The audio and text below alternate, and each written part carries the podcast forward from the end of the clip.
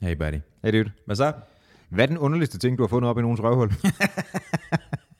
Mit eller nogen andens? nogens. Okay. Fordi at, altså, det er jo... Ja, Det er jo, ja. det er jo øh, pære og bananer, eller hvad det er. har du fundet pære og bananer? Det synes jeg alligevel er stærkt. Hvad er det underligste, jeg har fundet op i nogens røvhul? Ja. Also, er du blevet overrasket over, hvad du har fundet i dit eget? Ja. Men, øh, jeg, ved sgu ikke, jeg ved sgu ikke, hvad jeg har fundet op i... Øh, Du får dig selv ud, som en kender, ikke, bro? Hey, Altså, det er sådan, at jeg... Mm, det er en choco surprise. jeg, jeg tror aldrig, jeg har fundet noget sådan virkelig overraskende. Det er bare sådan, hvad du forventer at finde op. Modtaget. Så, så har jeg ikke været sådan dybt overrasket. Jeg, jeg redder dig her, før den kører, kører for langt ud. I hvert fald ikke nogen Power Ranger. Ej, fair, fair nok. Eller en smølf. Og apropos det, øh, så skal vi tale om en... Øh, tale, ikke tale om, men tale med en person, der har været med til at finde en smølf op i nogen. For vi skal nemlig tale med vores chief medical correspondent, Frederikke, som er læge.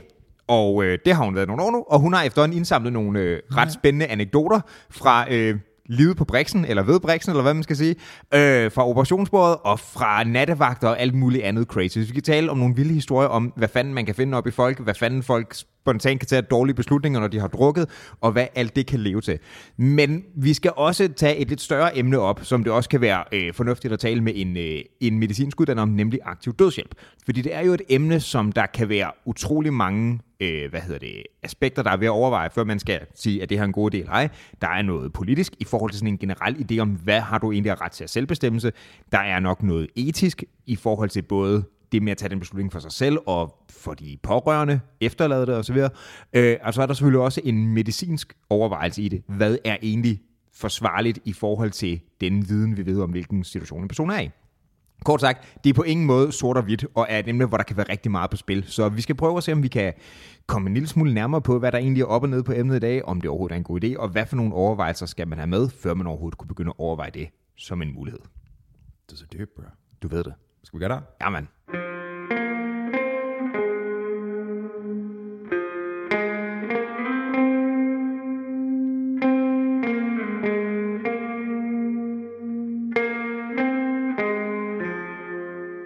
Så det var, det var, det var historien om, hvordan folk lyder, når de kommer til Modtaget. julefrokosten. Hey, hey, hey, hey. Ved du, hvem der spillede til julefrokosten? Nej. Christian fucking Brands. Oh my god! Det var vildt. Hvordan, kigger bare totalt hvordan, på hvordan lyder Christian Brøns, når han kommer? Det ved jeg ikke, men han åbnede med... Øhm, hvad fanden er den der? Du kan gøre, hvad du vil. Den der, den der hit ting. Ja. Kan du huske, kan du huske ham? Jeg er med på, øh, men vi er tilbage i den tid, hvor folk stadig så Robinson på tv, ikke? I Ja. 99. Jeg tror, det brød igennem i 99 eller 00. Det er fucking vildt. Sidder du og dømmer? Jeg Dømmer. dømmer mega hårdt. Okay, Dømmer- dømmer prøv, hvad? prøv, lige at, prøv lige at dele også, hvad var nummer et på din Spotify-rap i år? og nu mener jeg ikke podcast, Ej, ej, hvor du hvor er har du klam. klam, mate. Nu Martin, mener jeg, hvad der ej, er i hvor er du din, klam. din sange. Fy for helvede. Ja, Ja. men nej, nej, nej, fordi det er ikke podcast. nu er det jo, ikke fordi podcast. Martin har insiderviden her, ikke? Ja. Ja. Men øh, nummer et var Despacito. Despacito. Ja, mine børn har hårdt vold. Den kender jeg ikke. Hvad fanden er det? Min Det Spotify-account. Er et, ja. Ja. hvad den hedder, Louis et eller andet, Luis Fonsa Fonsa eller Fonso eller sådan noget, Ja. og Justin Bieber nummer, Prøv at høre, det lyder som et Remix. kendt navn. Luis Fonsa. Louis Fonsa. Enten det eller et pornoskuespillernavn. True. Men du ved, det, var, det var for et par, hvad, tre år siden? Fire år siden? Det var øh, sådan en mega sommerbasker, og den er Ja. ja. blevet bedre siden. Jeg tror, det var, jeg tror, det var sommeren pre-Kong Flu, der var den bare the scheisse. Wow, okay. Ja. Øhm, og den var helt stor, og øh, ja, Men nummer 4 var et øh, nummer 4 på min Spotify Wrapped liste var øh, John Dillermand Nice. soundtracket, sure. ja. Også, Også- også. også klassiker. respektabel. Nå, Kører han stadigvæk, egentlig? John Dillermand. ja Kører han? men, I don't know. Jeg har ikke set ham længe. øh, det, det er meget længe siden jeg har fulgt med i John Dillermands øh, nye afsnit. Hvilket er en, en sådan fejl for din kulturelle danse. Var det egentlig også en DR-ting? Ja, Det tror ja jeg. John Dillermand Det var tror en jeg. DR. Ja. Men I er også, altså efter I har en nakkeskudt Disney-show, er I ikke noget, og vi kan bruge jer til mere. Der var mange, der blev sure over det der. Og, og, Just what Donald Duck. og det er også meget... Altså, det er fedt, du krediterer noget arkivar for beslutningen om at dræbe Mickey, men Ja, jeg, jeg, jeg tror, du underspiller din egen, inf- ja, din egen hvad hedder det, indflydelse derude. du ved det, chef. Du ved det. Nå, that being said. Hej igen, Frederik. Hej med jer. Vi har vores Tak fordi I ville invitere mig tilbage igen. efter 150 afsnit Sagde du åbenbart. ikke lige, du inviterede dig selv tilbage? Jo, det er rigtigt nok. Jeg, jeg klammede mig selv tilbage i podcasten ved at, øh, at, at korrigere Martins misforståelser omkring moderkager fra okay. Okay. et tidligere afsnit. Okay, okay, lad os lige få den på plads først. Hvad er misforståelsen? Ja, øhm, jeg følte mig kaldet til at ret, at øh, Martin sagde, at øh, han mente, moderkager var et r- meget sådan, næringsrigt fødeemne. Og du sagde faktisk, så vidt jeg husker i den podcast, at Frederikke måtte rette dig, hvis Ja, du det tog er fejl. absolut, det er meget, meget velkomt. Og der gik, lige, altså, der gik lige præcis fire minutter, fra jeg havde hørt det i den her podcast, til jeg skrev til Michael, og så til dig, og sagde, det er løgn. Så forklar mig, hvad den kan, også for lytterne. Ikke en skid. Altså, den kan jo holde den der unge der i live i ni måneder. Hvordan og gør den det? du, Jeg tror, du skal tilbage og genopfriske din biologi på Hop C-niveau. op men, i Men, din mor, Det- bro. det skal Hop jeg op i din sandsynligvis. mor. men, men grundlæggende set, så udveksler den øh, ilt og næringsstoffer. Er, næringsstoffer. Er den så ikke næringstung? Nej, Okay. den var- passerer det, var... det forbi. Så se på det som en membran, inklusiv filter, der fanger alt det klamme, der kommer fra barnet, Dude. Modtaget. og opbevarer det. Ud fra det argument, du lige lavede, så, altså, så kan vi lige så godt spise lort. Øh, prøv lige at holde din kæft, hvis jeg taler. øhm, nej, men det er, fint. nej, det er jo det er meget fint, der bliver rettet, fordi jeg kan sgu ikke huske det. Det er ved at være lang tid siden, jeg har haft øh, biologi øh, tilbage i gymnasiet, så det er, det er fint at høre. Og du er jo, du, har, har du hørt, at du har fået en titel? Jeg, jeg, I skrev, I øh, havde, I havde givet mig en titel i forbindelse med podcasten, ikke? Ja, du er blevet vores chief medical correspondent. Altså, Det, jeg føler mig lidt som Peter øh, Kvartrup Geisling, når du siger sådan. Jamen, det er helt klart Ja. det, vi går efter. er det ham? Nej, men det er tv-lægen, ikke? Jo. Right, jeg skal til at, jeg tror, der var fucking, hvad var det, han hed? Plastikjorden, der gik apeshit. Jørgen E. Ja, præcis. Du må også godt være vores Jørgen Ege. Du kan også hvad være føler, det, mister. ikke? Bare give os tvivl som plastikoperationer. Særligt fordi du ikke har specialen for det. Ah, De bliver, du, du, kom- vi kommer bare til at ligne sådan et Den ene smiley operation altså. er ansigt. den anden operation. Same Pisse thing. vasse. Men det, ja, vi har Frederik, vores chief uh, medical correspondent, tilbage i studiet, og der er lige noget, jeg egentlig godt ville starte med at høre dig om, som vores absolute ekspert i lokalet. Uh, for et par afsnit siden, der talte vi om en fyr, der hedder Henrik. Er det Gokke, Henrik? Det er nemlig Gokke Henrik. Gokke Henrik. Så, så som, øh, som, som medicinsk uddannet, hvad tænker du om hans proces? For ja, han har en proces. Mm. I, altså, for, for, han må virkelig have haft travlt. Sindssygt. Men må han det? Men, men han, er jo ikke, altså, han er jo ikke enestående på nogen måde. I det mindste har han deklareret, hvad han har gjort, når han er blevet spurgt om det. Øhm, Men hvad, hvad gør de der, er jo, andre? der er jo flere øh, sådan, sager med øh, fertilitetslæger, som mm, propper deres eget Oh, jizz i damerne. Bella.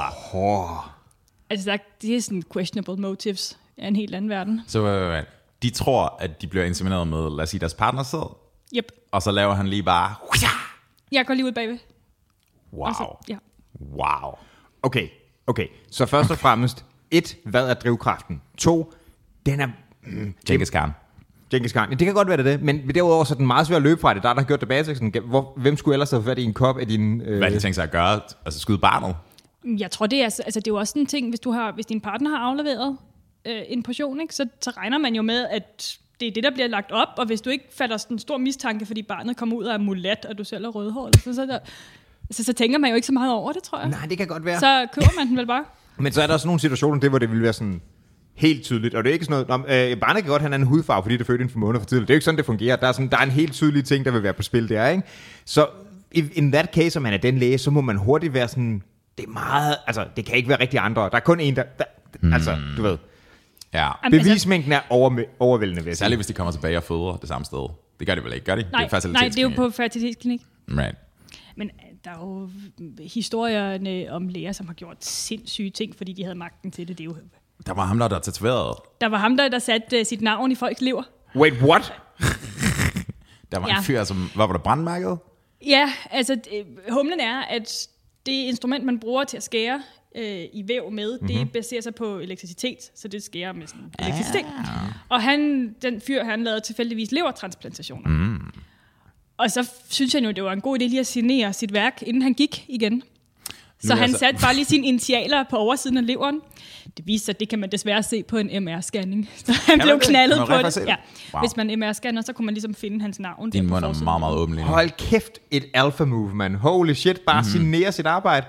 Du ved, der er tegnere og malere, der lige forsøger at snige deres... Øh, Han er en Van Gogh, bare på le- lever. Ja, en lever Van Gogh. Mm-hmm. Van Gogh, tror jeg egentlig, du Lever. sagde. Van lærer. Gogh er Henrik. Gogh. Oh, Oh. det er den samme. Øhm, ej, det, det er sygt nok at forsøge at gøre det. Har du nogensinde signeret noget af dit arbejde?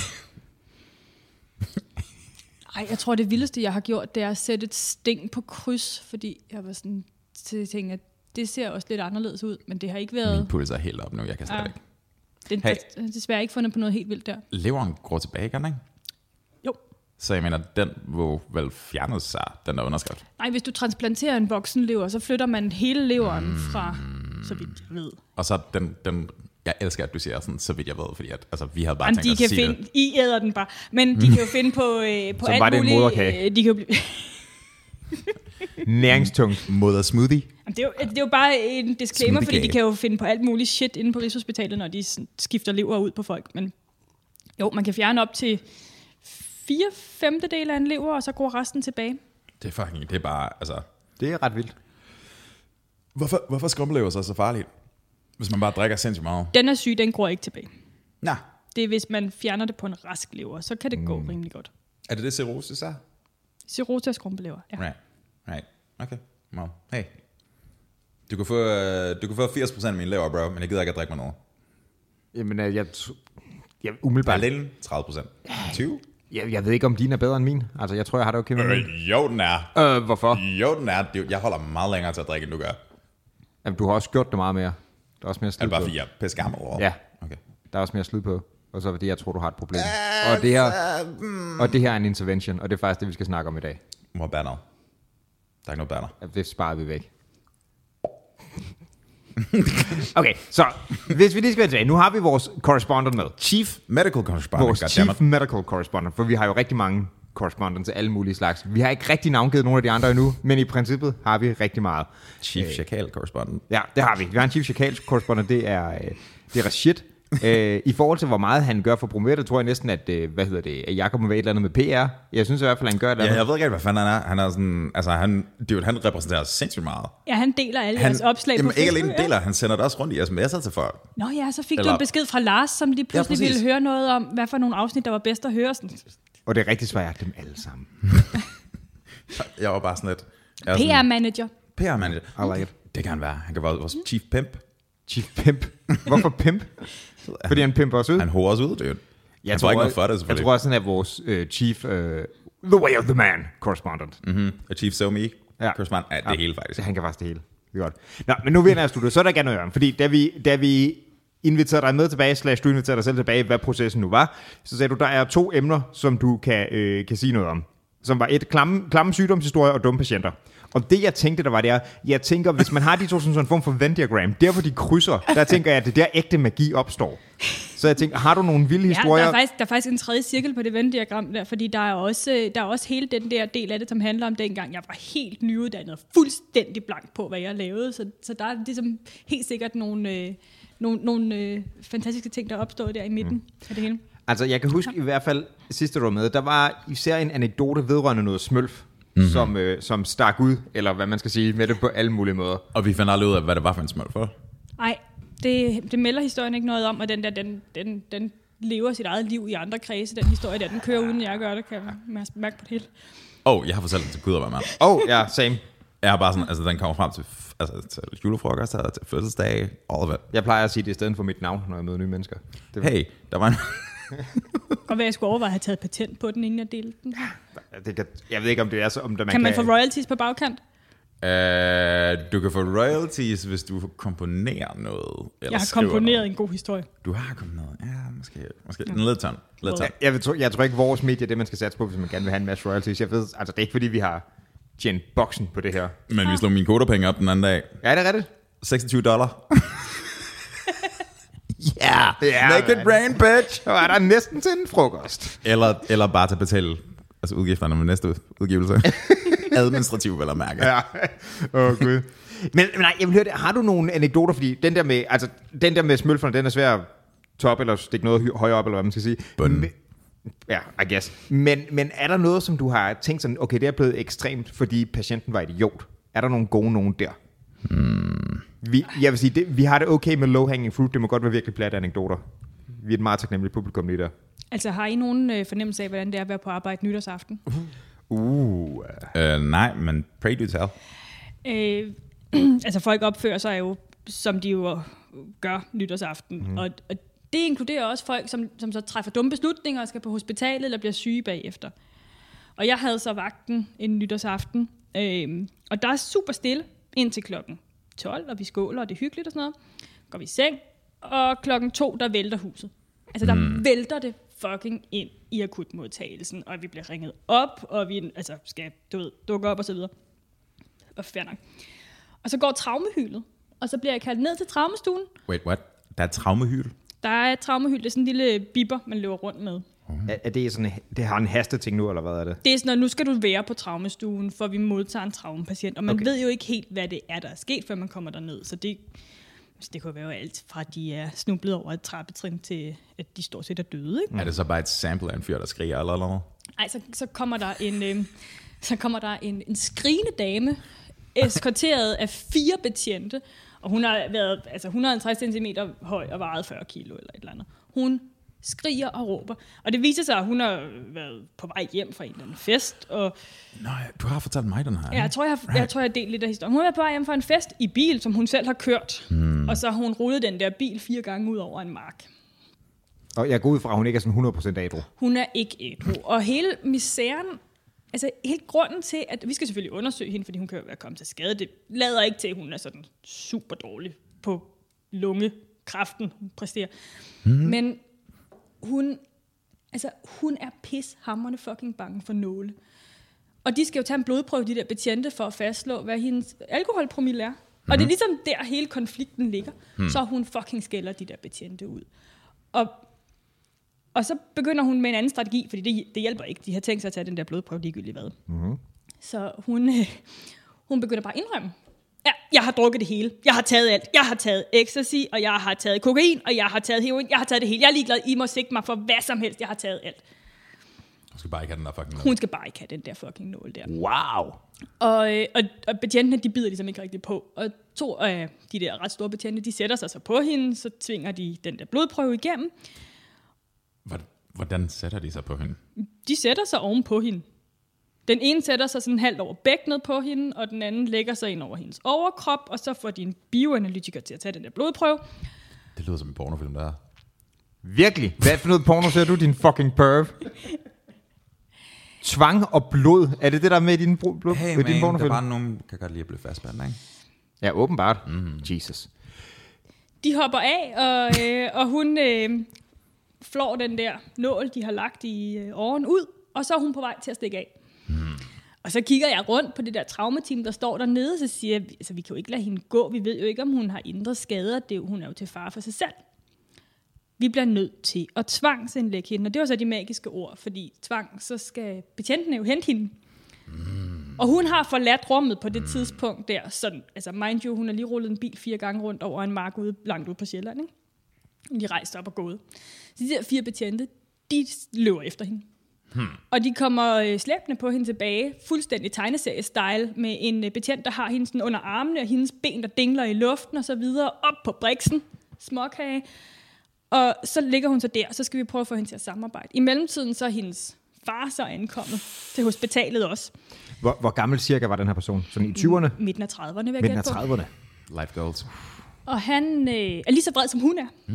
og skal opbevares i et separat lokale, mm. fordi vi kan ikke have ham derinde, mm. lige så opkørt.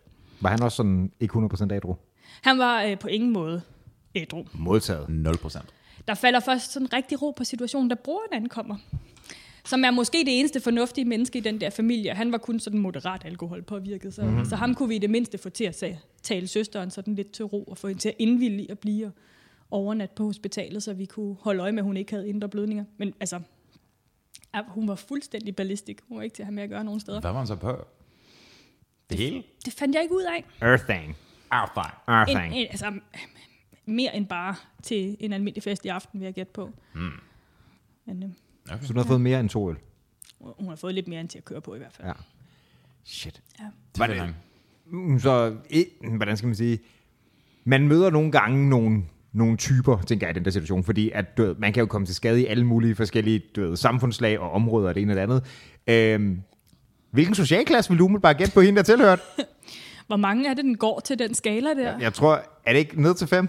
Hun har sprængt skalaen i bunden. Ned til 5. Altså plus minus 5. Jeg forstår det ikke. Rock bottom, bro. Ja. Mm. Ja. Hendes tandstatus sådan afslørede Lolland, ikke? Åh! Ja, Godt, Bern. Ja! Fucking, fucking... Godt, jeg, jeg vil gerne Ej, være jeg har sammen. faktisk en anden Yes. historie med en dum patient fra Lolland. Øh, Ja, Jeg synes, jeg skal- ja, tak, jeg vil gerne, ja, hvis det er gode, det der det er et godt burn, I'll take it. Respekt. Du Øh, jeg har kan lavet, sige noget om dem der bagefter. Jeg lavede en øh, kikkertundersøgelse på en mand i 40'erne. Ja. Kikkert, kikkertundersøgelse af mavesækken. Og så øh, skal man spørge dem, om de har nogle øh, proteser i munden, om mm-hmm. Mhm. de har gebis, fordi så skal man tage det ud inden. Og så siger de, ja ja, så popper han lige underkæben og overkæben ud. Og så kigger vi på mig og sådan, det er alligevel lidt mærkeligt. Hvorfor har du gebis både i over- og undermunden? Det var fordi min far han lærte mig, at hvis jeg havde ondt i en tand, så skulle jeg bare lige dubbe den med en vatpind med salpetersyre, så faldt den ud på dag efter. Oh! Det er dit folk! Det er dit Det, folk! det skal siges, det er, ikke- at det, er- det må være, være farens skyld end ham her, men ikke desto mindre, what the fuck, dude? Jamen, det er hans gener, Lolland. mand. Det er hans gener, der sætter sig igennem. Shit. Salpeter. Syre. Altså, bare for at få tanden ud. Ja, ja, så faldt den ud et par dage efter, så gjorde den nu ikke ondt længere. Altså, han tager ikke fejl. Fuck, man. Det er et stærkt move. Salpeter syre. Den har jeg, det har Så har jeg. I overvejet, hvor meget han har sparet i tandlægeregninger? Det er rigtigt. Jamen, hvor meget, koster, et gebis? sal- hvor meget koster salpetersyre? Ah, Der er ikke flere skid. ting over Ikke det. fucking skid. Jeg tror, det rækker langt, hvis du bare skal dubbe den. Ja, det er selvfølgelig rigtigt. Hvad fanden er salpeter syre egentlig? Det er en syre. Jamen, jeg ved det ikke. Altså, det kan også være, han sagde saltsyre, altså whatever. Men Det er ikke salicylsyre. Whatever. Det finder vi ud af. Jeg, jeg fik fem i kemi i gymnasiet. Det var, en af, det var en af de der tre, som man altid arbejder med. i Det. Der var salpetersyre, sol- solsyre og saltsyre, bare noget optyndet, ikke? Det er ikke hydroklorider. Det er ikke bare livet. Det er jo bare salt. hydroklor- hydroklorid er saltsyre, ikke? Ah. Salpetersyre er noget. andet. Ah. Tre mennesker, der ikke ved noget som helst om kemi, snakker kemi. Det Yeah! er dagens afsnit. Det bliver skide godt. Okay, den har jeg ikke rigtig en... Jeg, jeg, af en eller anden grund forventede jeg, at du var bare hen et eller andet med noget vold. Jeg tænkte, det var en, der havde fået smadret i stedet Ej, men jeg for. tror, jeg ramte rimelig godt i dit venddiagram der. Det er både klamt og en dum patient. Ja. Og så fjerne det med, med wow, okay. øhm, Har du fundet en knaller op i nogen? Fordi så tror jeg også, det er derfra. ja, fuck dig. Jeg, har, jeg har fundet nogle stykker, som skulle lære at pille skindet af deres spejepølse, inden de spiser den. Hey, det er for... Det er for Boiler alert, det sætter sig fast. Ja. Mm, what? Skinnet af en spejbel sætter sig fast. Ja, Ja. Men det det er, klumper sammen det er og mig, du skælder sviner sig til, og så ved du ikke, at du ikke skal Nej, spise nej, det nej. der. Jamen, jeg snakker med dig, var fucking 8, bro. Det var sådan, at når du, når du er i gang med at skære sn- øh, skiver af den, ikke, så er Ja. ja. bare sådan, hvorfor er der det her vedhæng? Hvad sker der? Der er det her ekstra tarm. Jeg er ret sikker på, at det giver formen. Jamen, det ved en 8-årig jo ikke, for helvede. Nogen otte år gør ikke. Men til gengæld, hvis du ikke ved det, så kan du bare smide noget salpetersyre Så på på- dine tænder. Eller på spejepølsen, og så kan Eller- du sagtens komme igennem. Same, same. Okay, det er, that's pretty good. That is pretty good. Um, det ved jeg ikke lige, hvad jeg skal følge op på. Hvad, si- hvad siger man der? Har du haft andre ting med folk, der har Undskyld. gjort noget med kemilokaler? I don't know. Ej, Jeg, jeg mindes ikke, altså, men jeg, jeg har en ret god historie om en gang, jeg sådan lidt uforvarende kom til at fiste en gammel mand. Altså, okay, mit næste spørgsmål var... okay, Vent, vent, vent, vent. Jeg er klar. Go on. Ja, Altså, hvis man bliver gammel nok og syg nok, så bliver man virkelig dårlig til at skide til sidst. som, som i man får forstoppelse, eller det går galt, når det er. Vi læste yeah. en Ja. artikel om en eller anden, der havde så aggressivt prolaps, at hendes røvhul faldt ud, når hun var... Er det sådan noget, vi tænker på? Nej, det nærmeste omvendte, det er, at det kommer sådan ligesom ikke rigtig ud. Og så kan afføringen forstene. Skulle du lave en digital udgravning? Ja, Husk Men... men... mikrofonen, Frederik. Sorry. Vi skal have alle detaljerne med. En forstening af Det, lort. Mhm. en forstening af lort, mm-hmm. der sidder i den sidste del af endetarmen, og ligesom Mm. bare vokser sig større og større. Det er som om, der kommer et pres op fra. Og det bliver helt hårdt, og det kan blive på størrelse med sådan et babyhoved, en håndbold. Hvorfor lige det billede? Ja, ja, hvorfor lige det billede? Hvorfor kunne du ikke bare starte med at sige håndbold? Ja, eller sådan en sådan på mail eller noget. Ja. Og s- altså, så fik vi en skide gammel, skide Aha. syg, skide Aha. dement Ah. mand ind med det problem der. Og i starten, der prøver man jo med, om man kan sådan ligesom få hans mave til at gå i gang af sig selv. Og så på et eller andet tidspunkt, så ender det hos en eller anden stakkels reservelæge, som skal løse det der problem. Og med stakkels reservelæser mener du dig. Undertegnet her. Ja. Ja. Og øh, altså, vi, han fik lidt smertestillende, og han fik lidt beroligende medicin og så videre, og så... Øh, Noget beroligende fingre, og så kører vi bare. Ja, og det, det, der ligesom gjorde situationen ekstra absurd, det var, at han manglede så også sine ben. så... Altså, så jeg måtte have to sygeplejersker med til at stå og holde benene oppe. Hvilke ben? Jeg Ja, forestiller- stumper, stumperne. Jeg forestiller mig, jeg forestiller mig ham ridderen fra Monty Python. Ja, You have no arms left. Yes, I have. Altså, den sorte ridder. han fra havde Monty Python. sådan nogle, øh, nogle lårstumper, ikke, som de måtte stå og holde tilbage, og så, øh, og så går man ligesom bare i gang. Oh, Okay, I'll have your leg. Der kæft, det er great. Ja, og, og, og det, det, er faktisk, det er faktisk virkelig sørgeligt, fordi altså, det er jo frygteligt, ikke? Det forrådner jo i virkeligheden, og det er det klammeste, jeg har lavet. Så, for, altså. Altså. så, mm, så er det bare i gang med sådan en, en, sådan en iske eller sådan noget? Nej, man bruger hånden. oh, Det er en, digital, en digital udgravning, Det er en right? meget digital En udgravning. digital udgang, det er det, der Mhm. betyder. Det er noget helt andet. Ja, ja det, det, altså der er, jo- jeg, jeg har lavet mig fortælle, at der er mindst risiko for at perforere tarmen på den måde. Hvilket måske også er relevant. Opfølgende spørgsmål. Øh, hvilken lyd sagde han, når han kom? Han sagde ikke rigtig så mange lyde, fordi... Ja, altså han døde to timer efter. What? Så det endte virkelig dårligt. Han døde to timer efter? Ja, og jeg bliver nødt til på en eller anden måde at disclaime, at altså, i situationen har man jo virkelig meget respekt for patienten og sådan noget, men det er virkelig absurd Har du, at stå i øhm, den situation. Har du, øh, har du sagt noget, der inkriminerer dig selv? Nej, Har han, du festet en mand til døde? vi, vidste, vi vidste godt, at han havde kastet op og trukket det i lungerne, fordi Benløs han mand. var så forstoppet. Wow. Så altså, det er bare... Når, når man er så gammel og syg, at man ikke kan skide, og lortet ligesom kompakter i røvhullet på en, Eller løb væk? så er det nok et signal om, at man skal tage billetten snart. Altså, Wow. Wow. Okay. det er fandme en god detalje at gemme til sidst. Så for god ordens skyld, vores chief medical correspondent har ikke fistet en mand ihjel. døde. I hvert fald ikke i arbejdsøje med. Øhm, kan vi så sige med ret stor sikkerhed. prognosen var dårlig for ham Ja, det er det. til at starte med. U- uden at sige specifikke uh, tal, altså cirka hvad alder er vi? i? Et sted i 80'erne. Wow. Ja. Okay, ja, okay. Altså, så vi okay. var jo ikke... Altså, du ved, det var jo ikke en ung, frisk knejt. En vor, ingen vor har. Hold nu kæft. Ja, okay. Okay, lige den historie, ikke? På det pændende, fordi vi vender tilbage til den lige om lidt. Ah, det, det, fair nok. Øhm, men jeg vil gerne sige, at i situationen, så er man meget... Altså, så er man selvfølgelig investeret i du ved, patientens værdighed osv., og der er selvfølgelig også en stor forskel på, hvad siger man i direkte snapperkontekst, når det er over for patienter, altså, Altså- over for kolleger senere, og hvad i det her lidt mindre formelle forum. Ikke? Men jeg tænker stadig, hvis man er relativt ung reservelæge og sådan noget på det her tidspunkt, som du vist også var der, øhm, og selv hvis man ved, der er en, en dårlig prognose, hvordan ra- rangerer den der på stående... Altså en gang imellem kommer man til at opleve dødsfald, ikke? Hvordan rangerer den på sådan mavepusterskalaen? Øh, den, den rangerer i virkeligheden ikke særlig højt, okay. fordi vi havde at gøre med en gammel mand, en meget dement mand og en meget syg mand. Vi vidste også godt, at han havde, som sagt, kastet op og trukket det der opkast i lungerne, og der er prognosen også virkelig dårlig. Så det der med at få udtømt ham ordentligt, var et spørgsmål om at øh, lindre ham, Mhm. mm. og sådan subsidiært se, om, om han kunne klare den, hvis vi gav ham lidt antibiotika og lidt, ikke? Mhm. Ja. Og altså, den gik sgu ikke rigtigt. Mm. Så du ved, du, du ved godt, hvad du undskyld udtrykket gik ind til.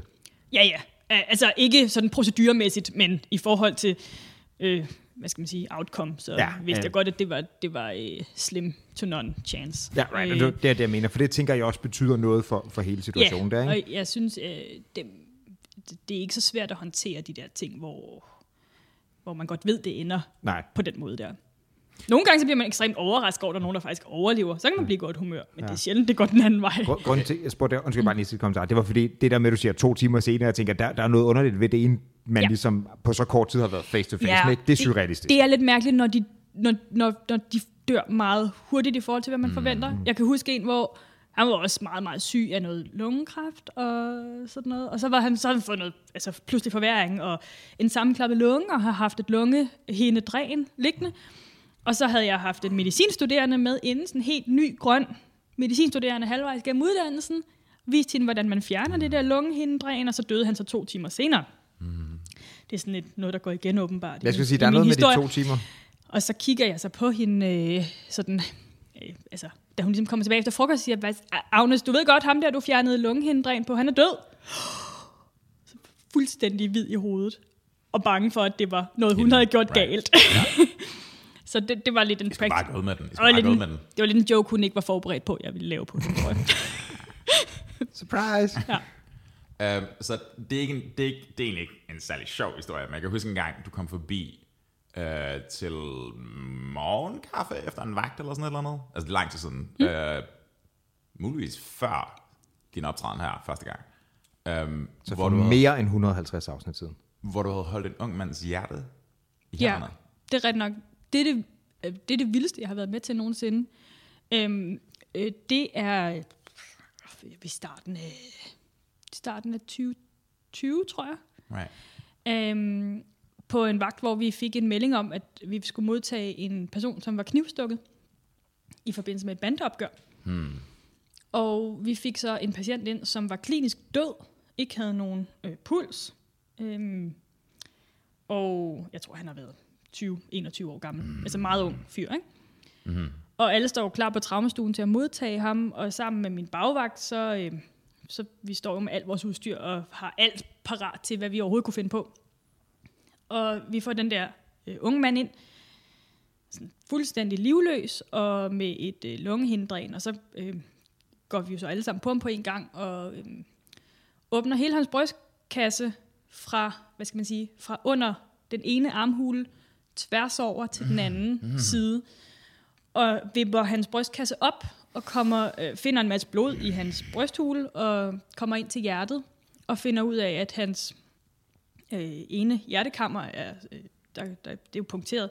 Mm. Og det lapper vi så øh, provisorisk. Altså, på- det var decideret, da han var blevet stukket. han var stukket yes. lige i sit venstre hjertekammer. Og det lapper vi provisorisk, og øhm, vi har en super dygtig anestesibagvagt, som styrer, altså som er traumeleder og siger, hvad vi skal altså, dirigere hele slagets gang der. Og han får en masse blodtransfusioner, og vi får ham faktisk op på at have noget, der minder om en hjerterytme kortvarigt og et blodtryk. Og så pakker vi ham, hedder det, øh, men giver ham, du ved, nok putter lidt, som lidt overdækning på osv., så han kan køre ind til Rigshospitalet. Hmm. Og imens han bliver gjort klar, og vi får sat vognene, der skal køre ham klar, og så, videre, så står jeg og giver ham hjertemassage direkte på hjertet, øh, med en hånd over og under. Øhm, Åh, oh, det er underligt. og så overgiver vi ham til nogle paramediciner og nogle læger, som skal fragte ham til Rigshospitalet. Og så bliver han så kørt øh, afsted. Mm. Og han døde to timer senere. Øh, ja, det gjorde han. Gjorde han det? Ja, han døde også. Men Øh, var det to timer? Jeg ved ikke præcis, hvor lang tid der... Altså, i princippet var han jo død hele tiden. Øhm, Ja, øhm, true. Men øh, da, de, ko- da han kommer på Rigshospitalet, så finder man ud af, at han har været uden øh, blodcirkulation right. for længe. Ja, okay. Og hans hjerne har lidt så uopretteligt skade, at der ikke er noget at gøre ved det, så han bliver så øh, erklæret død. Ikke? Ja. Jeg husker den her historie, som han lever, og det, der var en klart mere happy ending på den, jeg husker. Ja, sorry. Ja. Det, det kunne vi ikke... Øh, Men det er ikke kunne vi den slags afsnit. Nej. Men det, det, var, det, var, det var vanvittigt og, og, og meget, meget mærkelig oplevelse. Klart. Øh, Ændrer, altså, nu spørger jeg lidt med selvfølgelig, men ændrer det der, de der, den type erfaringer, ændrer det dit syn på dit eget liv? Altså på, hvad skal vi sige, du ved, ting kan ske. Han var 20-21 år, ikke? Jeg ved Ja. godt, du ikke er, hverken går i bander eller slås med Altså kniv, det der men med at holde sig ude af en bande, det tror jeg beskytter Klart. Klar. ens øh, hjertekarsikkerhed. Det var ham uden ben, det skulle han også have gjort. Ja, det, han kunne også have lavet være med at være med i en bande. Ikke? ja, det er helt klart det der problemet der. Nej, det, det tror jeg egentlig ikke, det gør. Altså man, jeg, jeg s- tror egentlig, jeg har set lidt på det som, at man arbejder med det, man får i hænderne. Ikke? Altså, Som for eksempel et hjerte. for eksempel et hjerte. Det, øh, det, altså det, Sure. Mm. sure. man, man gør det, man kan med det, man har. Ikke? Øhm, Men, men du tror ikke, altså... Jeg tror ikke, de fleste mennesker forstår intensiteten af en situation. Altså, jeg hører dig fortælle historien, og jeg forstår det ikke. nej, Jeg forstår ikke at udøve manuel hjertemassage til et menneske. Right? altså det er noget med ikke at stikke fingrene igennem på bagsiden, fordi det er lidt... øh, Okay, fair enough. Altså, lad være. Sure, men jeg, jeg, jeg, jeg, jeg fornemmer lidt, at du måske ikke fiskede efter logistikken omkring det. Jeg tænker, altså... Næste gang, så ringer jeg. Øh, du, du kan altid ringe og få et godt råd. Øh, nej, men i situationen, så tager det, den ene handling tager den anden, mm. og man kører på et ret hårdt adrenalinspike mm. i det der. Og så går man ned og raider køkkenet, og så går man i seng bagefter, fordi man er helt færdig. Altså, og de øh, operationer, vi havde planlagt til resten af aftenen, dem pillede vi af, fordi det var der ikke nogen af os, der kunne overskue. Øh, så, okay. okay. så man er da, altså jeg ved ikke, påvirket er ikke det rigtige ord, man er, man er sådan lidt adrenalinhøj, tror mm. jeg Sure. og, og kan ikke øh, overskue at lave, du ved, øh, flytte papir rundt, ikke? Altså hvis det var mm. det, du skulle lave på arbejde, ikke? Mm. Okay, så der er faktisk i sådan en situation der, selvom der teknisk set er timer i døgnet til at lave den der operation, så kan man godt skubbe det, fordi der er simpelthen nogle andre ting, der, der spiller ind der. Altså, det, det, det er lidt afhængigt af, hvilken vagt man lige har den dag. Men, men i den situation, der kunne vi godt. Og jeg tror også, jeg tror godt, vi kunne have arbejdet videre, hvis det havde været noget, hvor det ikke kunne vente. Mm-hmm. Men nu stod vi med noget, der kunne fint laves dagen efter, og så ja, right. droppede vi det, og så gik vi i seng. Sure. Ja. Ja. Jeg tror bare, altså, du og jeg taler om det her us- usandsynligt meget. Det her med sådan refleksion over eksistens og så videre, ikke? Du gør i hvert fald. Ja, men du er med, mand. Du deler det. vi har alle sammen lige mange timer i døgnet. Øh, Spørgsmålet er, hvad vi gør med dem. Det Men var altså, ikke det, jeg sagde. den, den oplevelse kom, øh, da jeg var rimelig... Ikke, ikke sådan, jeg var ikke super erfaren, men jeg var heller ikke helt ny. Right. Øh, og og det der med, at have- hvis jeg havde stået sådan fuldstændig grøn og ny i den der situation, så, øh, så tror jeg, det havde, havde været, fået sådan lidt andet outcome for min for mine øh, følgende måneder og år som læge. Ikke? Sure. Ja, okay. Så det her kommer helt klart ikke til at kende dig over i, eller det ved jeg ikke, over i sådan lortehistorier med smølfer and shit. Men jeg vil egentlig gerne høre... Vi kan din- godt prøve at forsere den. Vi kan godt prøve. øhm, den der ting, som jeg sagde, Peter Pan and den der historie med manden uden ben. Og det var egentlig også i forlængelse af den snak, vi havde før Martin kom ind, og vi startede med det her. Øhm, det der med aktiv dødshjælp i konteksten. Ham der, ham der var dement og ikke havde nogen ben, og det ene og det andet. Det var i øhm, grunden til, at vi talte om det, det var hvad fanden han hedder, Anders Lund Madsen og Preben. Preben. Har du set det? Har du set det program? Men fuck er Preben. aktiv dødshjælp. Han får aktiv dødshjælp, og Anders Lund Madsen følger ham. Altså ikke sådan psykotisk, men okay. Okay, altså, er, det, er det Anders Lund Madsen, der svinger træskoen til sidst, eller hvad er det? han løber Ja. efter ham, indtil han gerne vil dø. Nej, jeg har ikke set det. Ja, jeg har heller ikke. Så egentlig, det er et program om en, der gerne vil modtage aktiv dødslip, og Anders Lund Madsen. Det er Han som, gør den der ting, han gør den der ting, hvor han ligesom, du ved sådan, han sætter sig over for dem, og sidder og snakker med dem, Ja. ja. og brrr, alt det der, antager jeg. og så ham der, han vil gerne skide til Schweiz. Er det Schweiz, man må?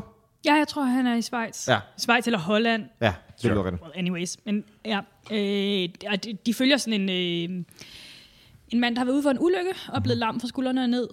Oh. Og som synes, det der nye liv, han har fået, øh, er pænt nederen og ikke er ved at leve. Hvor gammel er Preben? Kan vi huske det? 60'erne. 60'erne. Hal, 50'erne, tror jeg. Shit. Jeg tror, han er i 50'erne. Right. Øhm, Altså i, ikke, ikke længere, vel? nej, nu er han ikke. Mm-hmm. Nu giver det ikke så meget mening at måle, hvor, lang, hvor gammel han er længere. Jeg hører dig. Mm. øh, men, men altså, de tanker, der ligesom... Hvis jeg var en fyr uden ben, 80 år gammel og dement, så ville jeg have håbet, at jeg har skrevet et eller andet ned et eller andet sted, at en eller anden ville tage mig med ud bagved. Altså, jeg er ikke nødvendigvis enig, fordi man kan godt sidde dement på et plejehjem, tror jeg, og have et godt liv. Mm. Og blive stimuleret. Jeg tror ikke, man er så meget med, at man forstår, når det er nederen. Men er det, er det et godt liv for dem, eller er det et godt liv for de mennesker, som er tilbage, som har- helst vil have, helst vil undgå ubehaget ved den snak? Pas. Hmm. Altså, det, det, den skulle en stor diskussion, ikke? Fordi der er nogle demente mennesker, hvor øjnene lyser op, og de, øh, og, og de smiler og, og husker no, nogle små ting fra deres liv, når man snakker med dem. Der er helt klart også dem, hvor der bare er tomt indeni, men, men du står jo i det problem med, med de borgere, at de kan jo hverken sige til eller fra på aktiv dødshjælp. Altså, så, så de er langt for langt ude til, at man overhovedet vil kunne spørge dem, om de vil tage billetten. Men testamenter, eller et eller andet right. Right. ikke? Men det er det, jeg skulle sige, for det er nemlig, altså det er også vigtigt at tage det, og også lidt en udfordring for det, at det er nemlig en snak, der skal tages på forhånd, som du Præcis. siger, jeg ønsker, at jeg havde skrevet noget ned, ikke? Klart. Mig bekendt er alle de steder i verden, hvor man tilbyder aktiv dødshjælp noget, hvor man skal gøre det, inden man kommer så langt ud, at man ikke selv kan eksekvere. Ja. Right, right. Jeg tænker bare, altså... Det, jeg, jeg er ikke, øh, overhovedet ikke kommet så langt til at tænke i konteksten af, om hvorvidt man fik tilbuddet eller ej, om man ville takke ja til det. Men, men jeg, synes, det er en, jeg synes, det er en super interessant diskussion at have, fordi at jeg synes, argumentet for, at man ikke måtte gøre det, er relativt svagt.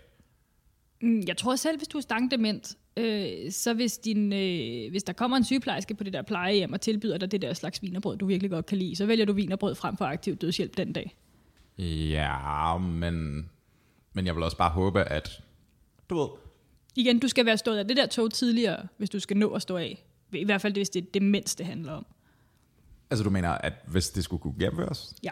Men hvad hvis, altså, hvad hvis der var en eller anden form for, I don't know, en eller anden form for kontrakt, som siger, at når jeg ikke kan lægge to og to sammen længere, så er der en eller anden precondition, der siger, hvis så Jeg tror ikke, den der den holder sundhedslovgivningsmæssigt. Altså, okay. jeg tror ikke, du kan, jeg tror ikke, du kan, du kan sådan testamentere dig ud af at sige, når jeg bliver for dum til det her, så vil jeg ikke være med mere. Men du kan, du kan ikke testamentere dig ud af det, men du kan godt lave den der do not resuscitate ting, ikke? Øhm, jo, men den gælder ikke øh, universelt. Hmm. Det er sådan, at hvis du laver en aftale om, at du ikke skal genopleves, så gælder den kun for et afgrænset sygdomsbillede. Virkelig? Ja. Hmm. Hvis du, øh, altså, lad os sige, hvis, hvis, hvis Tove på 88, hun har en øh, cancer, der har spredt sig til alting, Mhm. så kan hun godt lave en aftale om, at hun ikke skal genopleves. Mm-hmm. Øh, den vil gælde for den sygdom. Right. Ja. så, så hvis det er en lungebetændelse, der er, på tra- der er træt, så skal man stadig forsøge at køre igennem. så er det ikke sikkert, at man skal genopleve, øh, men man skal stadig behandle. Ja, okay. Ja. Mm. Okay. Alright. Altså det, det, man kan sige, hvis du har øh, hvis du har meget meget syge, lidt yngre mennesker, øh, dem der gennemgår knoglemarvstransplantationer eller sådan noget, hvor altså der kan man godt sige, hvis hvis jeg bliver så syg og dårlig af det her, øh, så skal jeg ikke genopleves. Hvis de faktisk bliver raske efter den knoglemarvstransplantation, så ryger den der lidt ud med badevandet igen. Men hvad tænker du selv om det? Altså ikke fordi, hverken fordi det er dit felt nødvendigvis. Altså, har man, har man euthanasia doctors? Altså, er Nej. det en ting? Nej, ikke i Danmark. Right. Vi, øh, altså, læger må øh, give så meget beroligende og smertestillende medicin i lindringsøje med, at det godt kan risikere at fremskynde dødens indtræden. Det er Right. lovligt. Det er ikke lovligt at give aktiv dødshjælp. Right. Øh, Der hører jeg en gråzone. ja, det er super meget en gråzone. Okay, det er bare Ja. ja. ikke kun noget, jeg bilder mig ind, skulle jeg sikkert. Nej, men, men, men man kan jo have så ondt og være så angst og så videre, at man er nødt til at give noget lindrende mm. behandling, som så godt kan få det til at gå hurtigere, end det skulle. Mm. Ja, jeg har sgu aldrig hørt om nogen, der har trykket på knappen og bare fyret et stempel i bund med morfin, og så var det overstået. Altså, det har jeg ikke. Nej. Øhm, Jeg ved godt, Det lyder Men- som en god måde at gå ud på. man kan finde øh, nogle læger rundt omkring, som siger, at Svend Lings, han øh, øh, rådgiver om det og sådan noget, ikke? Men Det har ham den gamle dødslæge, ikke? jo, det kalder de ham i hvert fald. Jeg tror ikke, han er specielt begejstret for hans tilnavn, eller Åh, ah, kaldenavn. nej, nej. Det er kraftigt med en rock and roll titel til gengæld. Dødslæge? Ja. Ja, der var også nogen, der gik og kaldte ham Dr. Død, ja. Sure. Øhm, Hvad tænker du selv om det? Jeg synes, at aktiv dødshjælp er en super svær størrelse, for der er helt sikkert nogle grupper af patienter, hvor jeg mener, det ville være fair og rimeligt, at de fik mulighed for aktiv dødshjælp. Men der er virkelig også mange, som jeg ikke s- øh, synes skal have adgang til det. Giv mig et eksempel på en, som ligger i, i den gråzone, hvor du tænker sådan, ah, Øhm, altså sådan en som, øh, pr- pum- som Preben, som er ude for en ulykke, hvor han bliver lam fra skuldrene og ned, og oplever, at hans livskvalitet bliver så dårlig, at han ikke har lyst til at leve livet. Hmm. Den er virkelig svær, fordi hvis man venter to år fra ulykken, og stadig ikke synes, at livet er værd at leve, så ved du i princippet aldrig, om livet havde været værd at leve, hvis du ventede to år mere.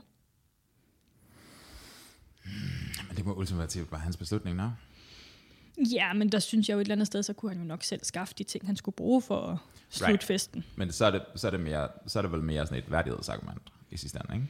Jeg synes, jeg, jeg synes, jeg tror bare ikke, jeg føler, at behandlingsmulighederne er udtømte, og jeg baserer det jo lige så meget som- på en subjektiv holdning, som I gør i den situation. Ja. Ikke? Åh, oh, ja, ja, helt sikkert. Det er Ja. bare for at forstå dine argumenter. i det. Jeg tænker i forhold til det der med, så kunne man selv skaffe det der, ikke? Så der er også, jeg tænker måske også, der har noget at, at gøre med formen, man tjekker ud på, hvis det er. Right? Ja, altså der er jo nogen, der bruger det der argument om, at de vil ikke have, at de pårørende skal finde dem hængende i garagen, ikke? og mm. det, er jo også, et- det er jo også sødt, men, mm. men man kan jo også godt træffe en aftale med hustruen, og så tage alle de sovepiller, der skal til. Så er du lige vidt, uden at skulle til Schweiz for det. Ja, men det er bare, det, er det ikke risikoen er lidt større for, at man fejler, men jeg vil sige, hvis man er en lille smule handy på, på internettet, så kan man nok godt. nu, nu, nu præsenterer jeg en idé, og så kan du rette mig, hvis du er uenig i den grundlæggende præmis af det. Ikke? Bring it. Bring it. Øhm, den her sådan uro, der ligesom er forbundet med det. Jeg kan sagtens, du har, altså, ingen, ingen tvivl, det er subjektive holdninger hele vejen rundt. Ikke? Din holdning er bare lidt mere kvalificeret end vores, fordi at, du, ved, du har at gøre med mennesker, som lever og dør, og vi sidder bare og snakker i mikrofoner. Ikke? Øhm, men jeg tænker bare, at retten til at, ligesom, at kunne trække billetten, altså bare sige sådan, okay, jeg vil ikke mere, jeg vil ud, øhm, den virker som om, at den, det virker som om, den burde være universel i et eller andet omfang. Fordi, du ved, hvis jeg kan træffe valget af at hoppe af en bro, for eksempel, så vil jeg, så vil jeg, argumentativt var lettere og bedre og mere værdigt, at ligesom jeg kunne sige, okay, jeg kunne hoppe ud fra broen, men Jeg kunne også ringe til min læge i stedet for, så få hjælp til at fikse problemet. Ja, og så ligesom sørge for, at afslutningen blev ordentlig, og ligesom kunne sige til sine venner og familie, at det er sådan, prøv at høre, 30. august, der sker der. Um, så hvis du har noget at sige, så sig det fucking nu. Jeg kan godt se den der pointe, men jeg tror, at risikoen for at, t- at træffe overilede beslutninger også bliver større, hvis det er nemt. Hvad hvis man, hvad hvis man lavede sådan en cooldown-periode, hvor man ligesom sagde sådan, Jamen, det findes jo også nogle steder i verden, ikke? at du har en 30-dages cooldown. Det 30 30 dage er kort. Så vidt som, ja, præcis. Ikke? right, Og jeg, altså, i Holland, der er det, så vidt jeg ved, tilladt for børn at få aktiv dødshjælp. Wow. Det er også tilladt at få aktiv dødshjælp på indikationen ubærlig psykisk lidelse. Og endda også ubærlig psykisk lidelse hos børn. vi er fucked, Martin, vi er fucked. Jeg tror, det er fra 12 år, grænsen går. Uden at være sådan super sikker på det. Right. Det virker umiddelbart også ekstremt. Det, det vil jeg gerne medgive. Det. Det er Mm. vildt, at du kan træffe afgørelsen om, at du ikke vil leve mere, men du ikke, ikke kan stemme. Det er lidt, det er lidt vildt. Altså, jeg synes, som minimum, så skal man stille krav om, at frontallapperne er færdigudviklet, før man kan træffe den slags beslutninger, ikke? Sure. Ja, men, Men- men gør de nogensinde rigtig sådan ægte der? Altså, jeg, jeg tænker stadig, at du mangler cirka 40 procent eller sådan noget. Ah, det er det. Jamen, det, det er bare sådan, altså, det, det kaster, det kaster lidt, øh, lidt branden på det der glidebane-argumentsbål, ikke? Mm. Altså ja, men altså, kan du ikke sige det samme om aborter, for eksempel? Altså det er sådan, der er der jo også en glidebane et eller andet sted mellem de der 12 uger, ikke? Det kunne være 16, det kunne være 10, det kunne være 8, det kunne være det ene og det andet. Om jeg synes, altså, men abort, der har jeg måske lidt principielt den samme holdning som med, med det der øh, assisteret selvmord og, og aktivt selvmord, eller hvad man skal kalde det, når man selv, når man selv gør en indsats. Altså, hvis man ikke vil have et barn i Danmark, mm-hmm. og man fornægtede en abort efter 12 uger, mm-hmm. så kan man jo bestille pillerne hjem fra England. Og jeg troede, det var sådan noget med at varme en strikkepind og sådan noget. Jeg tænkte, det var... Nej, nej, nej, nej, nej, det behøver slet ikke være så ubehageligt. Nej, det tænker jeg, det Hvis lyder du også- bestiller pillerne hjem fra England, så øh, kan du jo bare æde dem, så dør fosteret, så er du nødt til at få hjælp fra mm. sundhedsprofessionelle, og så får du den jo fjernet.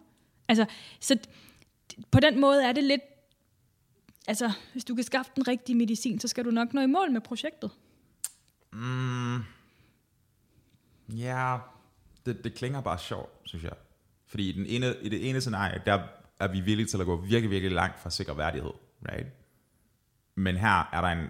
Det virker som om, der er et arbitrært skæld et eller andet sted. Måske ikke i forhold, forhold til aktiv dødshjælp nødvendigvis, men altså, du ved, i hvert fald i forhold til abort, ikke?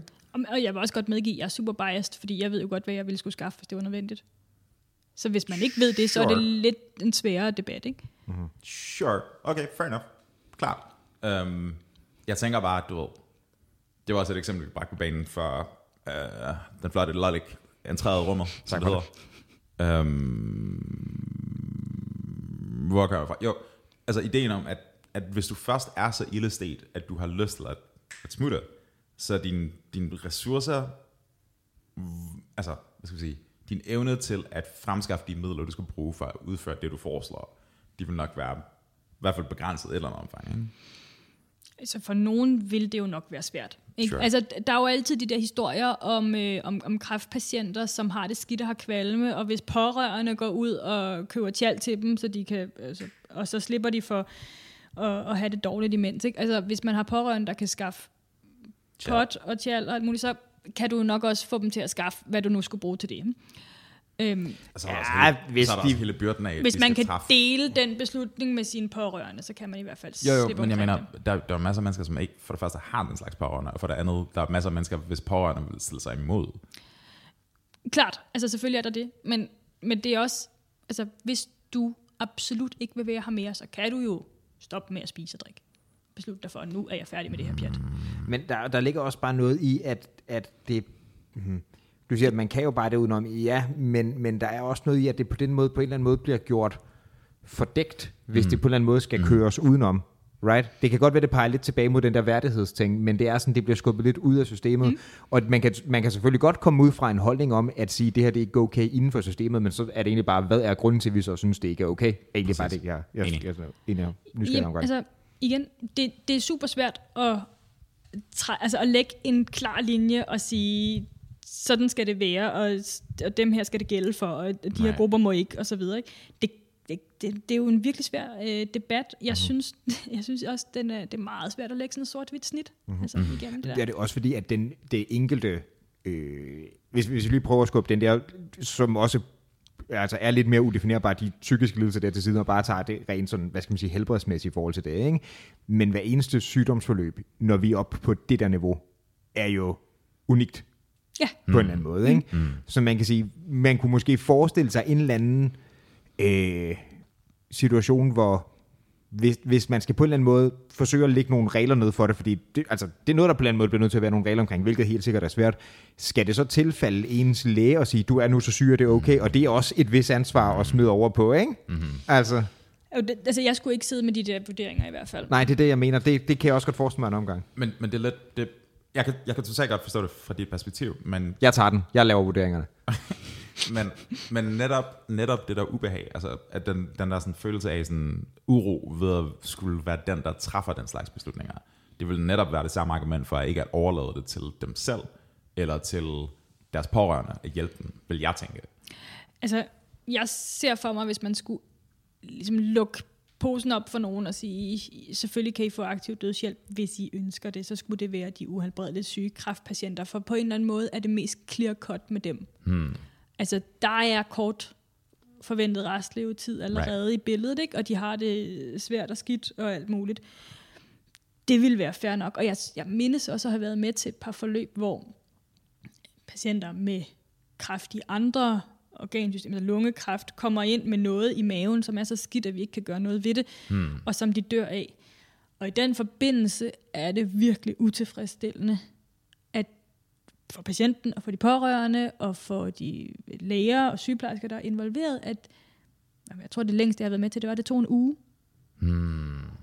Hmm. Og til sidst så lå patienten, der var meget tydeligt husket, hun lå og sagde, jeg håber, det bliver i dag. Og det havde sgu været meget fedt, hvis det var blevet den dag, mm. hun havde håbet på. Mm. Hmm, Øhm, det var faktisk virkelig øh, en... Altså, det var en fin afsked. Jeg tror, hun døde fint og sådan noget, men øh, da, øh, da hun blev indlagt, der sagde hun, fandens også, at det lige var i dag. Jeg havde lige inviteret hele familien til afskedsmiddag. Sådan. Øh, ja, det var sgu lidt specielt. Øh, så fik vi sat øh, op, så de kunne komme og spise på hendes stue på hospitalet. Nice. Ja. Men det, det er sådan en situation der, man kan sige, hvis, hvis vi har, kunne man forestille sig en model, hvor der er nogen ting, for eksempel at sige uhelbredeligt kraftforløb, ikke? Hvor, hvor man skal sige, godkendelsen af, at man kan søge aktiv dødshjælp, jo automatisk følger med, fordi hmm. så vil, hvis de var etableret som en del af systemet, så ville det lige pludselig heller ikke være op til den enkelte læge at sige det. Giver, giver tanken mening? Fordi jeg synes også, det ville være et hårdt estimat for x læge at skulle tage og sige, hvor syg er du nu i forhold til der? Du får lov til at svare, men jeg har tænkt mig at preempte dit svar, ved at sige, at det er en fucking glidebane. ja. Det kan jeg sagtens høre, Det men- Mhm. ville også være, men det ville også være mit svar, mm. også fordi jeg kunne se for mig, at man hurtigt kommer til at stå i den situation, at der er ikke en super syg nåletråds fin linje, hvor man går fra, at nu er det helbredeligt, til nu er det mm-hmm. ikke Mhm. Sure. sure. helbredeligt. Mm. Så altså, man kommer til at øh, stå med fødderne solidt plantet i et spinatbed Mhm. mm. som læge. Og det er den slags kvalificerede sla- svar, man kun får, når man har en chief medical correspondent, der kan opkvalificere, hvad man siger om. Nej, men det giver fin mening, men det altså, I, I get it. Øhm, hvorfor det er på mange måder udfordrende der. Altså, I Danmark, der har vi jo også øh, tradition for at have nogle super øh, stærke og meget entusiastiske patientforeninger. Mm-hmm. Så lige så snart øh, man fik det til kraftpatienter, nu teoretiserer jeg bare helt vildt, ikke? men når man får det til kraftpatienter, så står kraftens bekæmpelse måske og jubler. Så står Hjerteforeningen der og siger, hvorfor må vi ikke også? Mm. Øh, hvorfor må alle dem med terminal hjertesygdom ikke også være med? Og lige pludselig er der noget, som er måske ikke på samme måde, altså dødeligt med samme, du ved, øh, samme tidsramme, men så nogle ting, der bare gør mig for livskvalitet. Så er der noget med sklerose, og så er der det ene og det andet. Så det er også sådan noget, man tænker, der, Ja, sure, det kan og til godt være. sidst så står man hos psykiatrien, ikke? De står altid til sidst, når der bliver uddelt noget som helst, så de vil jo også stå til sidst til det her. Og så står de der og siger, hvorfor må man ikke få det, når man har lidt af behandlingsrefraktær depression i de sidste 40 år. Behandlings, hvad for noget? Refraktær depression. Det virker ikke. Depression, man ikke kan behandle. Okay, super. Ja. Det er bare, de responderer ikke på det. Modtaget. Um, det ja, er godt, tror ja, jeg. altså absolut. Altså, du, du kan også forestille dig scenarier, ikke bare, hvis man skulle tage den her sådan bizarro worst case hat på, ikke? Altså, hvor du ligger i en eller anden form for grænseland, i en eller anden kategori, hvor du vil kvalificere for det. Og så er der bare virkelig destruktive familiedynamikker, som gør, at de gerne vil have Tante Olga ud nu. Ja, ja, så den kan arver vi jo. arve. Ja. Og så kan det bare blive sådan rigtig, rigtig grimt. Ikke? Jo. Øhm, så jeg kan sgu godt se, jeg kan godt se glideballer-argumentet i det, men jeg tror også bare, jeg, i hvert fald fra sådan et, et rent, øhm, et rent emotionelt, sådan eksistentielt synspunkt, så virker det som om, at den option burde være der. Altså bare sådan, om ikke andet, ja, du kan hoppe ud fra en bygning, eller du kan lade dig drukne, eller et eller andet, men det er bare, at den er så meget mere voldsom, den død, end hvad det kunne være, hvis det var i reg- regulære termer. Ikke? Plus, så er der, ja, du kan aftale noget med konen og så videre, men der er stadigvæk, det er, en, det er en ikke særlig fin måde at gå ud på, at lade sig selv hænge, for eksempel. Altså, jeg vil helst ikke gøre mig til talsmand for, at nogen Det forstår jeg af løsningerne er gode. Selvfølgelig. Det er ikke, altså, aktiv dødshjælp er ikke nødvendigvis godt. Det er mangel på aktiv dødshjælp heller ikke. Jeg hører dig. Øh, Jeg hører dig. Passiv dødshjælp er heller ikke en sådan, super god løsning. Hvad passer du selv? Bare kigge den anden vej. Nej, det er jo så, når man, øh, når man lader tingene gå sin gang, men godt må øh, give lindrende behandling, mm, som kan right. Mm. fremskynde døden. Ikke? Right. Ja. Klart. Det er, når man ikke behandler for at forlænge livet, men risikerer at fremskynde døden med lindrende behandling. Jeg får, jeg får sådan en super underlig tangent ind i alt det her. Jeg, læ- jeg læste en, en, um, en artikel med togfører, danske togfører, Mm. Jeg sad også og tænkte så før. Ja, præcis. Hvor der, du ved, fordi en gang imellem, så kører de, påkører de en eller anden, som er suicide by train, eller nogle gange til øh, uheld og så videre. Ikke? Mm. Men der er sådan nær påkørsler. Hvad er der, sådan 2-3.000 om året, eller sådan noget eller andet? Hvor Pas. folk bare sådan står og stener sådan i nærheden af det der, og så er det, du ved, lige hvad sker? Og så sker det selvfølgelig ikke, fordi ellers ville der være øh, drabsdagsdag i det. Men de der togfører, de er bare sådan dybt, dybt chokerede, fordi du ved, de har lige, du ved, lige, lige været at køre en eller anden måde. Øhm, og jeg tænker bare sådan, altså konteksten af, Gud forbyder, at man skulle finde en eller anden i sin familie, der gjorde sådan noget der, ikke? Altså der, der for eksempel ikke begik selvmord eller noget. Altså traumet af, af den effekt, du ved, skadesvirkningen af, at en person vælger at tage sit eget liv, fordi de ikke kan se nogen udgang på det, øhm, den vil bare ekko igennem. Altså det er, øh, hvis man må være sådan lidt grov, en meget uhensigs, uhensynsfuld måde at gå ud på. Klart, men, Ja. ja. men hvis I ikke har nogen andre muligheder, tænker jeg.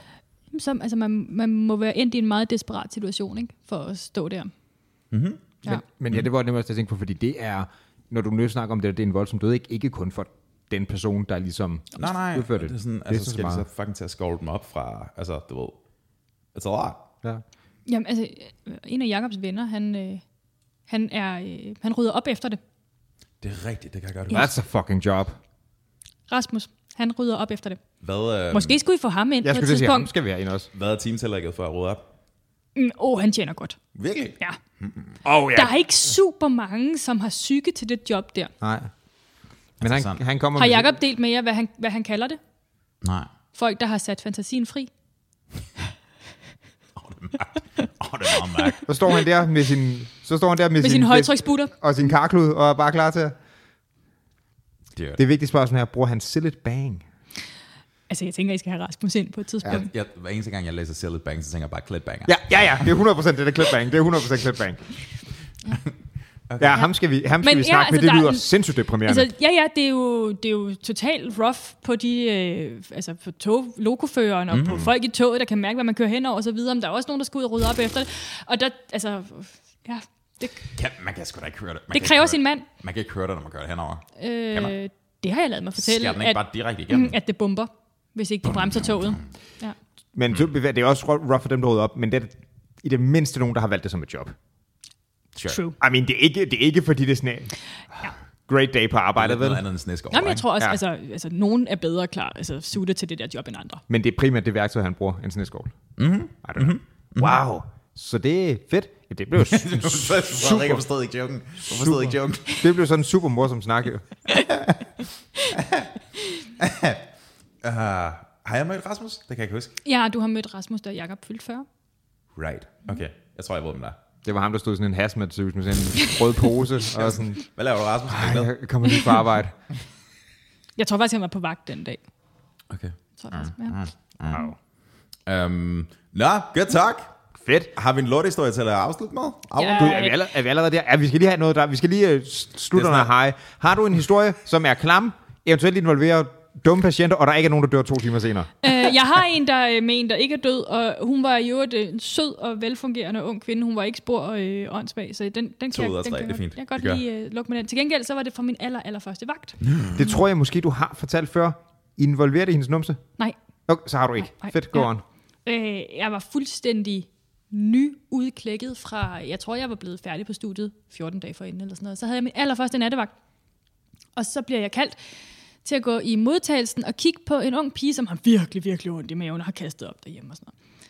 Og så går jeg ned til hende, og hun ligger fuldstændig sammenkrøllet på, på borgen. Hun er hvad, 18, 19, 20, et eller andet år gammel. Ikke? Og, og man kan se, at hun har virkelig ondt. Og jeg s- spørger hende lidt ud til, hvor sidder det, og hvor længe har det varet, og de der sådan standard lægespørgsmål. Og så siger hun, at du, du, er nødt til- du er nødt til at holde en pause, jeg skal altså kaste op. Og så vender hun ligesom hovedet ned i den der brækpose, og der står stedet strømme ud fra hende. Og så, mens jeg står der ved siden af hende, og ikke rigtig ved, hvad jeg skal gøre mig selv, om jeg skal stå sådan og blive, du ved, vente på, at hun er færdig, eller om jeg skal gå og komme igen senere. Så det der opkast der, det skifter farve. Ah. Det ligner ikke It's- fordøjet føde. It's a poo. Det bliver brunt. It's a og det boo. lugter. Og hun kigger på mig og siger, det smagte virkelig, virkelig dårligt. Det er ikke en sjov, det er ikke en sjov historie. Det er, når man er så forstoppet, at det ikke kan komme den anden vej ud. Nej, ikke? hun havde bravende tarmslyng. Ah. Og jeg, altså, jeg, altså, jeg kigger på hende. Hun kaster lort op, dude. Hun kastede lort op, ja. Jeg ved, hvad du fejler. Nu får du noget smertestillende. Og så finder jeg en mere voksen læge, som kan komme og booke dig til operation. Hvad med at slette hendes hukommelse? Og så Hvem gør gik det? jeg direkte, Der, tss, for Men in Black. direkte tilbage til min bagvagt og sagde, der ligger en ung pige dernede, som har det virkelig skidt, som skal opereres nu. Og altså, min bagvagt, hun tog Fortalte over. du dem, hvad hun skulle opereres for? Øh, jeg var sådan rimelig... øh, Hvad med lortet på munden? ja, altså, jeg var, helt, jeg var helt på den anden side af mig selv, fordi Det tarmslyngspatienter var er hun ikke, også. det er ikke noget, man står med på sin allerførste vagt og så videre.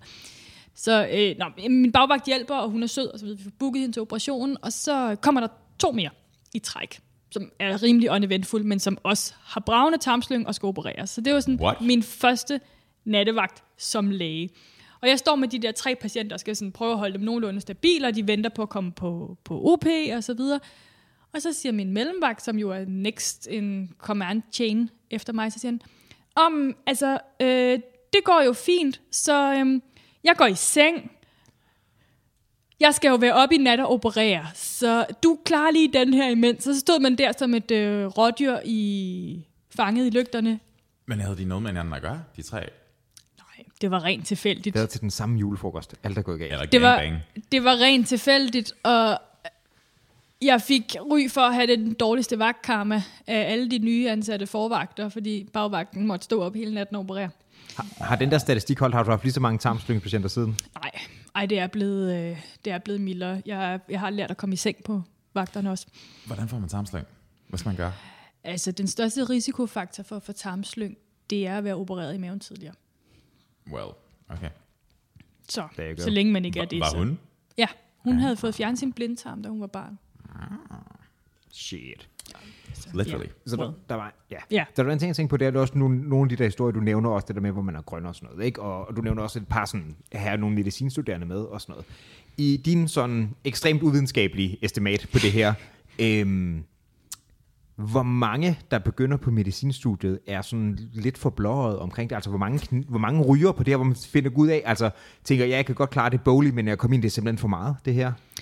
Jeg tror ikke, der er så mange, der ryger på det. Jeg mener egentlig, at frafaldsraten er ret lav. Okay. Øh, jeg tror, alle gror noget hård hud, Okay. okay. og noget hår på brystet til gengæld, Ja. ja. og bliver klogere på, hvad det egentlig handler om undervejs. Mm-hmm. Øh, Jeg kan også forestille mig, når man først er committed til selve studiet, på den måde, som man er, så er der sådan et, du ved, sådan en sunken cost fallacy ting, ikke? At det er sådan, nu er jeg så langt inde, at det er sådan, Jo. du ved, altså hvis man, altså, nu er det jo efterhånden nogle år siden, jeg læste den, hvis man kom hen over tredje semester, så kørte man som regel hele vejen i mål, fordi mm. tredje semester var så fuldstændig hjernedødt og svagt og hårdt, at øh, så var det spildt liv mm. og arbejde, hvis ikke man gjorde det færdigt. Jeg, jeg spørger bare nysgerrigt, fordi det, det er selvfølgelig ikke helt det samme, men når det også er en liv- og dødsting, så har vi også tidligere haft øh, blandt andet folk, der har været udsendt herinde. Ja. Og jeg kender både folk, der har været afsted og har været udsendt, og selvfølgelig har det været hårdt, men de havde ligesom the Mhm. mental stamina til det. Mm-hmm. Og jeg kender også folk, hvor det ikke var så godt. Mm-hmm. Øhm, Så Mhm. altså, jeg er bare nysgerrig i forhold til dig. Det er jo rigtigt, altså der er jo nogen, der dør og så videre, men generelt set, så tror jeg, at mange har det på den måde, at de hjælper folk herfra på en bedre måde, mm-hmm. hvis det er der, hvor man ikke kan gøre andet. Og generelt kan man jo holde folk i live, til de næsten står med begge ben i til knæene i graven, ikke? Hvis de har nogle ben tilbage. Hvis de har nogle ben at stå på. Nice. Så det er ikke, øh, det er ikke så meget liv og død i dagligdagen alligevel, Nej, når man, er, når man går i det hver dag. det er måske meget rart. Det er bare smølfer og syltetøj, bro. Nu nåede jeg slet ikke at fortælle om min PhD i bryster. Hey, hey, hey, kør. Vi- Det kan vi godt nå. Det kan vi godt nå. Ja, fordi altså, første gang, jeg var herinde, Ja.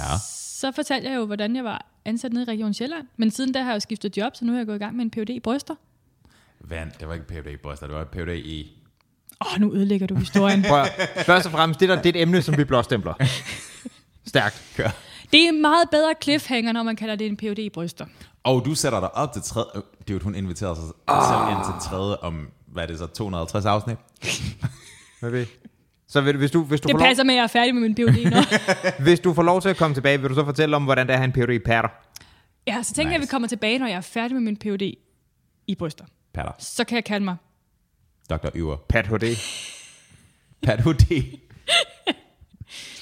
Fat D. det er okay. Det er en aftale. Det Fedt. kan vi godt sige. Jamen, uh, tusind tak for en, um, for en interessant snak om ikke-benede mennesker. Den, som blev Og meget døden mere, og livet. som blev meget mere voksen, end jeg troede. Meget, meget mere voksen. Altså, det, ja, det var bare puha til at Jeg var starte med. sådan, har ting i røvhullet. Det var cirka der, jeg var. Og så lige pludselig så var der faktisk noget, der kan mening. Kæft, hvor er vi fede. og det er du også. Tak fordi du ville komme, Frederik. Det var en fornøjelse. Det var godt at se jer. Hej. Hej.